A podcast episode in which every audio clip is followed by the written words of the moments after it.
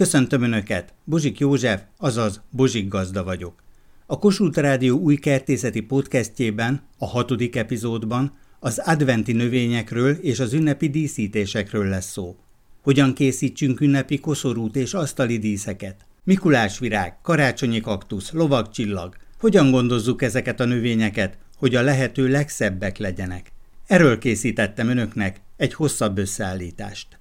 A segítségét szeretném kérni. Kaptam Hollandiából két amaryllis hagymát, egy olyan műanyag cserébe tartóba, az alján nincsen vízelvezető zárt teljesen, egy fedő van rajta, amin olyan nyílás van, hogy a hajtás az kibújt rajta, és vannak rések, tehát rocsolni ott lehet. Hogy mit lehet tenni?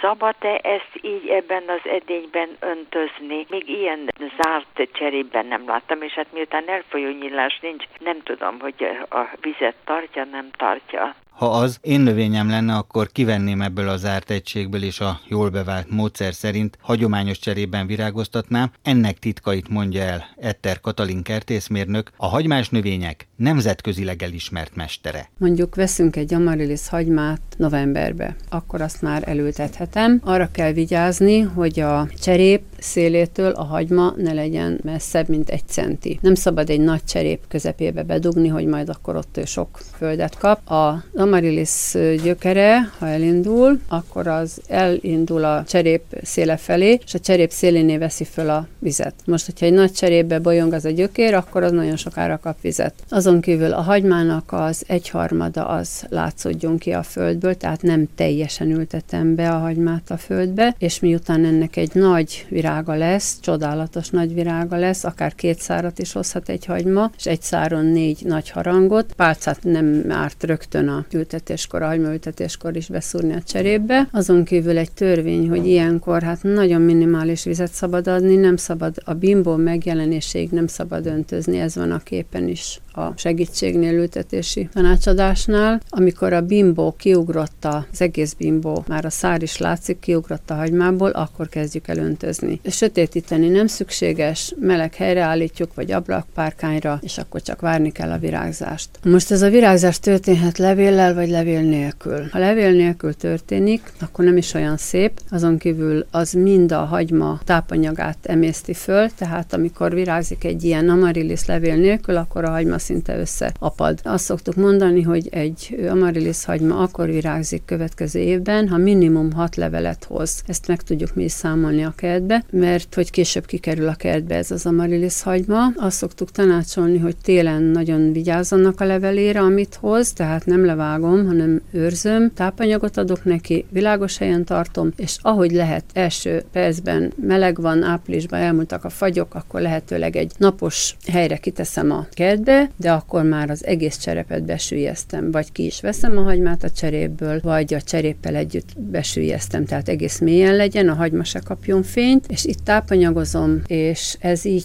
történik szeptemberig, addig legyen kint. Szeptemberben nem lehet a kertben, a marilis hagyma nem kaphat vizet. Beviszem száraz helyre, pincébe. Én a legjobban az újságpapírba csomagolást javaslom. Lehet hagyni a cserébe is, de sötét, száraz, hűvös helyre kell tenni. Akkor 6-8 hét pihenés, és akkor újra lehet kezdeni a virágoztatást.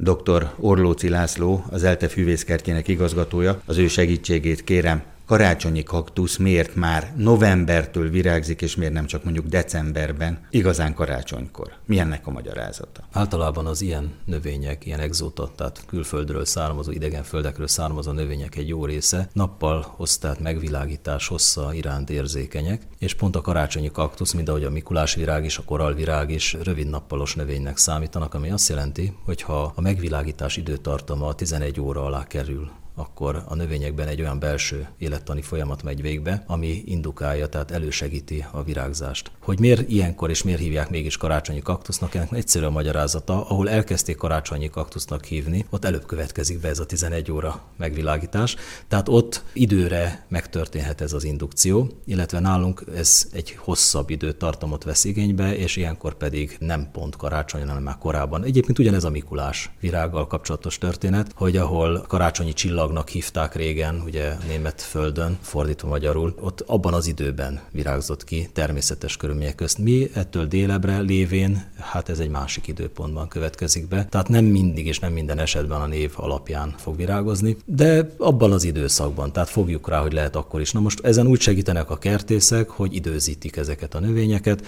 és ha időzítik, akkor lehet úgy is időzíteni, hogy tényleg pont karácsonyra vagy pont Mikulásra virágozzék egy virágunk. Otthoni körülmények között tudjuk ezt az időzítést valahogy eltolni, tehát hogy ne novemberben virágozzon a karácsonyi kaktusz, hanem mondjuk december második felében. Ez otthon elég nehéz dolog, mert nem elég csak egy árnyékos helyre helyezni a növényt, hanem teljesen sötétet kell számára csinálni a napnak egy bizonyos szakától. Ez azt jelenti, hogy délután már be kéne sötétíteni neki, illetve ha nagyon korán virágzik nálunk, ugye az azt jelenti, hogy sokkal korábban kapta meg ezt a hatást, ilyenkor pedig egy rávilágítással, egy pótfény adásával lehetne elodázni ezt a virágzási hajlamot, és ezt nagyon nehéz úgy megcsinálni, hogyha valakinek azt mondják, hogy minden nap érj el haza négy órakor, kapcsolt fel a lámpát, és égessed egészen este hatig, hétig, és akkor majd két hét múlva majd akkor már nem kell, és akkor már hagyhatod így a dolgot, és akkor majd biztos, hogy fog virágozni. Tehát ezt így nagyon nehéz otthon megcsinálni. Sőt, nagyon sok esetben az a panasz érkezik, hogy nem virágzott ki a Mikulás virágon, pedig hát tavaly milyen szép volt. Ilyenkor pedig elegendő az is, hogy az ablak elétett növény az utcai térvilágítás fényét megkapva nem virágzik ki, mert nem lesz rövid nappalos hatás számára, tehát ez a probléma is fenn szokott állni. Ezért van az, hogy kertészeknél, kertészeteknél, nagy kertészeteknél, ahol ezeket a növényeket időzítve termesztik, ott minden esetben felszerelnek pótmegvilágításos szerkezeteket, illetve sötétítő berendezést, és ezt egy valamilyen kis számítógép vezérli, tehát egy időzítő vezérli,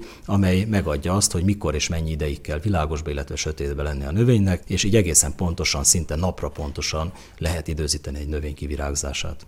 A cserépkájhában ropog a tűz, Lovas Katalin kertészakíró kollégámnál, és a Mikulás virág, mint ősi mexikói növény Amerika felfedezés előtt nem lehetett az advent vezető növénye, hiszen Szent Miklós püspök idejében ez csak Mexikóban díszlett valóban Amerika felfedezése után került Európába ez a növény, de nem közvetlenül Mexikóból, ahol őshonos, hanem tett egy kis pihenőt Észak-Amerikában. Ez onnan tudjuk, hogy a felfedezőjét egy bizonyos utazót, aki katonatiszt volt, úgy hívták, hogy Poinsett. És ő fedezte fel, és vitte egy barátjának az Egyesült Államokba, és aztán később onnan került ide. Így terjedt el a neve Poinsettia. Csak amikor elkezdték vizsgálni, akkor rájöttek a botanikusok, hogy ez egy kutyatejféle, és utána átsorolták az euforbiák közé, tehát a botanikai neve az, hogy Euforbia pulcherima. Ennek az igazi díszítő értékét nem a virágok adják meg, hanem a színes fellevelek. De ezek a fellevelek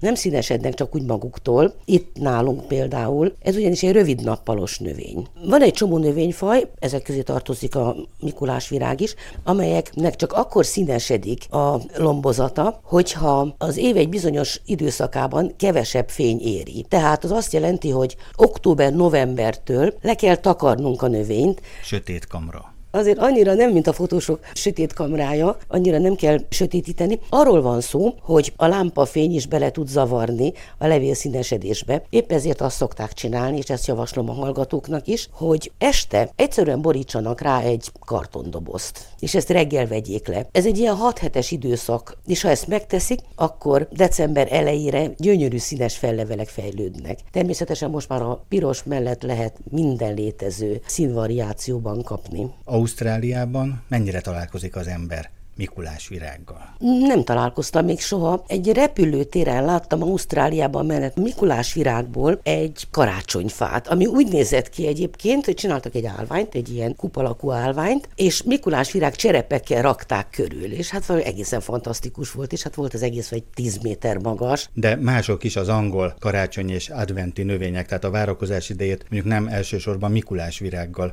ünneplik, hanem a magyallal, amely szintén piros és zöld. Hát az angolok két szent növénye, ez egyik az ön által említett magyar, az Ilex aquifolium. Ez Magyarországon is díszlik szépen.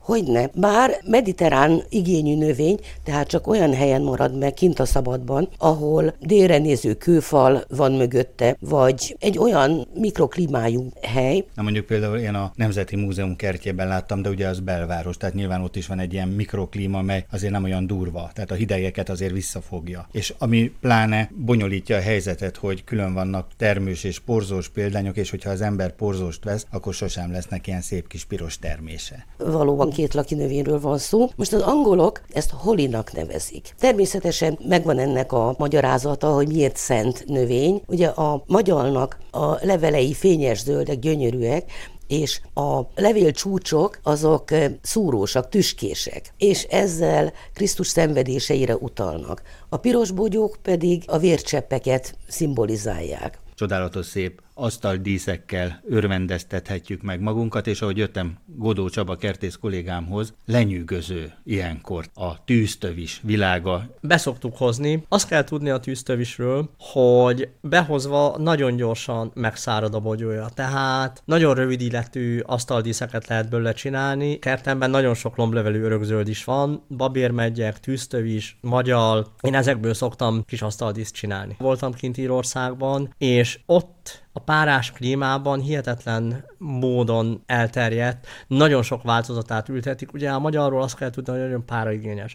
Nálunk is őshonos, de kifejezetten párás völgyekben találja meg az életfeltételeit. És nagyon fontos ugye, hogy ez két laki növény, tehát nem mindegy, hogy termés vagy porzós példányt vásárolunk-e, mert ha porzóst, akkor sosem hoz szép piros termést.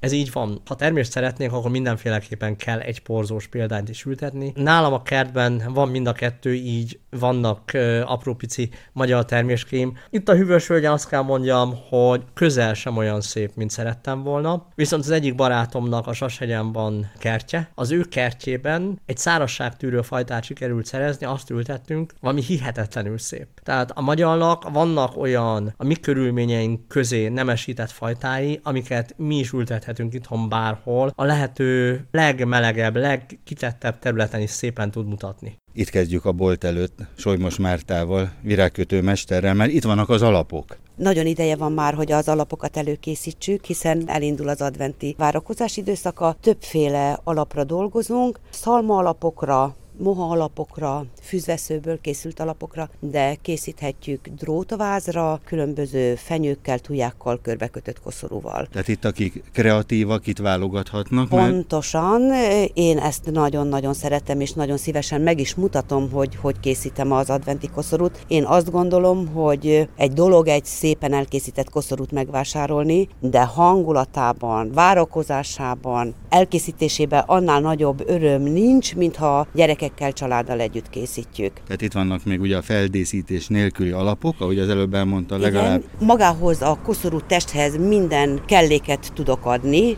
Tehát nem egy csak... picit ide hajolunk, mert itt van a földön, tehát ugye az Adok fenyő, így van, fenyőcsomocskákat, amiben tuja, fenyő, buxus, ezüstfenyő, normanok. fenyő is. Igen, találhatóak. Aztán Mindenféle fajta a... termést tudok hozzáadni, meg is tudom mutatni, hogy ezeket elég nehéz lenne felfűzni, de akinek ragasztópisztolya van, vagy egy icipicit kreatív, ragyogóan el tudja készíteni. Tehát ez az első ez doboz? az első doboz. Nagyon szépek ezek is. Olyan termés is van már, ami itthon nem megszokott, a lótuszoktól kezdve egyéb kiegészítőkig. Aztán utána a gyertyák különböző választék a színben is, fazonban is, illatban is megtalálhatóak, csavartak, simák, tömbök, gömbök, színre is mindenféle, hozzávaló tüske is. Aki egy kicsit kezdő, annak ajánlom a gyertyatüskét, de ezt is szívesen megmutatom, hogy négy dróttal hogyan tudjuk fölrögzíteni a koszorúra a gyertyákat. Itt vannak a lilák és a rózsaszínek, ugye az a tradíció. A tradicionális hogy... adventi színek, a három lila egy rózsaszín. A meggyújtásra az első lilát, majd a második lilát, majd a harmadik vasárnapon a rózsaszínt, és a negyediken érkezünk el a karácsonyhoz. A harmadik a fény, a várakozása. Lassan ugye elindul, hogy hosszabbodnak a nappalok, mindenkinek egy kicsit könnyebb elviselni ezt a búskomor időszakot, és hát várjuk a megváltót. És azért ez a lélekben való felkészülésnek is egy szép időszaka. ugye a világ világossága, egyre nő a fény. Így van. Negyedik vasárnap ugye már minden gyertya ég, illetve hát olvastam, hogy az 1800-as években az első lelkész, egy evangélikus lelkész 24 gyertyát rakott egy hatalmas kocsikerékre, ez talán az adventi koszorúnak az őse. Őse, igen. És igen, akkor belépünk a boltba, gyertyák sokasága mellett És jövünk még nem el. beszéltünk a szalagokról, amik szintén ö, fontos kiegészítői az adventi koszorúnak. Ebből is ma már nagyon sok olyat lehet kapni, amelynek a szélén drót, vékony kis drótszál szalad végig, és a legkezdőbb is meg tudja kötni belőle a szép szalagcsokrot. Egy csodálatos szép koszorú özön van itt, ahogy belépünk, már nagyon sokat elkészített. Egy boltban mindig előre kell készülni, mert egyszerre olyan sok koszorút képtelenség megcsinálni, de nem csupán koszorút készítünk, hanem talán ott látja is karácsonyi tálakat, ami egy koszorút helyettesíthet. Hát az is gyönyörű, a az négy, négy gyertyájával, igen. A meleg lakásokban talán-talán, ha a vizes oázisba dolgozunk, sokkal tartósabb. Ez az alap, az oázis. Az oázis, így van, sokkal tartósabb. Fenyők is, tuják is szépen megőrzik zöld színüket. Nincs gond a többi koszorúval sem, hiszen kifejezetten törekszem arra, hogy tujával, meg sejemfenyővel dolgozom, ami ugyan megszárad, de potyogni nem potyog. És még ezeket a meleg lakásokat is bírják. Számtalan olyan vevőm van, akinek évről évre a tavalyi koszorú alapját díszítem fel, és behozza úgy, tudok is olyat mutatni, ahol még gyönyörűen szárazon rajta van a fenyő és a tuja. Tehát nem potyog le róla. És akkor ugye, ha elérünk a munkaasztalhoz, már ott előkészítette az egyik koszorút, ez egy moha koszorú. az örök folytonosságot szimbolizálja, és lássuk is, hogy ez valóban megmutatkozik a koszorú testen is. Elindítjuk úgy, hogy az alapra kicsi fenyő, tuja, csokrocskákat rakunk, amit vékony tízes dróttal ö, szoktam letűzni, Ez mint egy kapni, hajtű. vagy ezt így Nem, ezt előkészíti? én egy hosszú drótszálból, meg is mutatom, hogy hogy készítem. Ja, itt vannak a Így drótszálak. van, egy hosszú drótszálat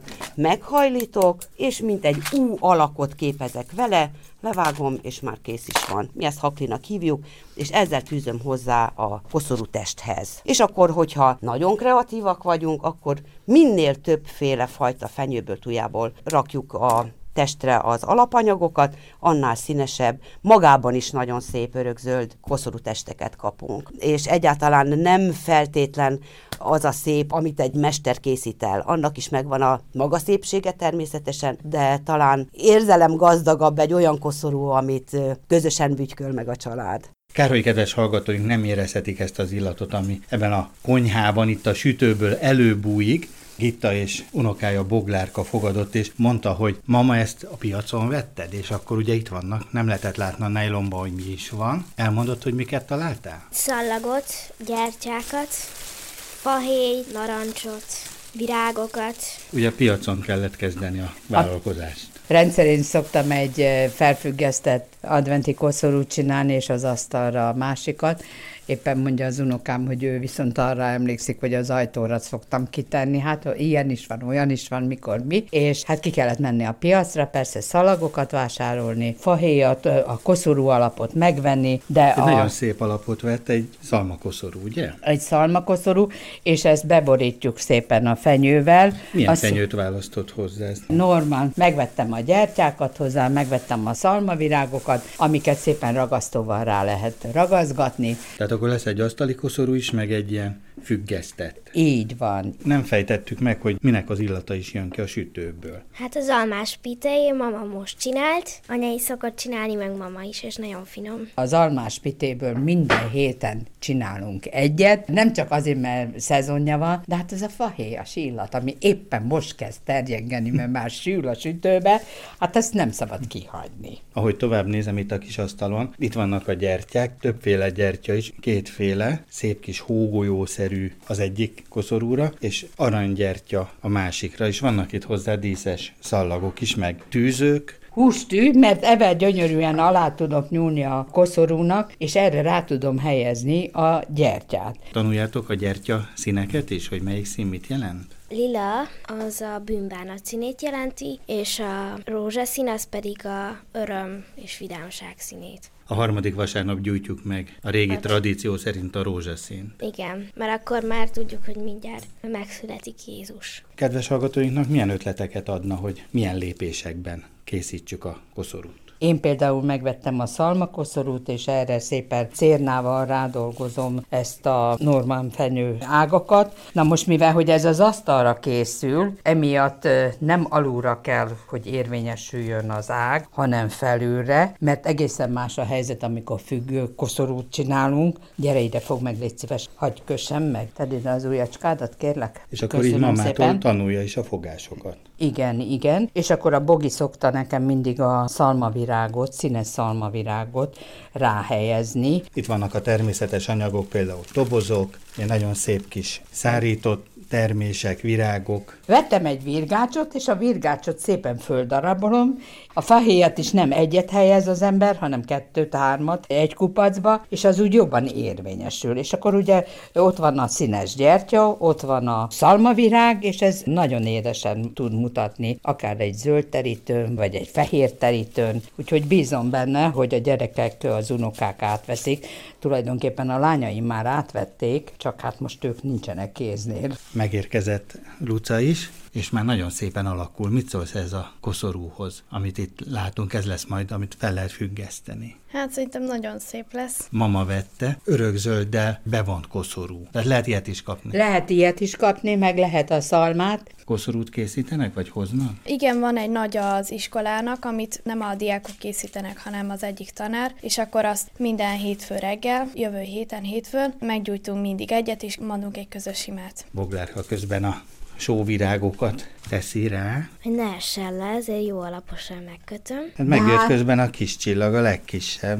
De Veronika. Roni, Roni érkezett meg legkésőbb, úgyhogy mi már addigra készen vagyunk az adventi koszorúval, meg készen van az almás pite, de azért együtt megkóstoljuk, jó? De gondolom, akkor lesz azért egy másik pita, amiben ő is bekapcsolódhat majd. És a mézes kalácsokba is szokott, amiket szépen feldíszítve tára teszünk, a fákra felaggatjuk. A mézes kalácsot az utolsó héten csinálom meg, tehát a karácsony hetébe, mert először egy picit kemény, de másnapra megpuhul, és annál finomabb. Szoktatok közreműködni, mézes kalács? Igen, minden évben készítünk mamával is, meg anyával is mézes kalácsokat, és utána felrakjuk a fára felfüggesztjük, vagy megesszük. Mi csak díszíteni szoktuk, mert az könnyebb, és így veszünk hozzá ilyen cukorkákat, meg mászt, és azzal kidíszítjük. És akkor mama készíti az alapanyagot, és akkor a díszítés a ti munkátok. Hát igen, vagy anya, szóval ők ketten, és mi meg csak díszítünk.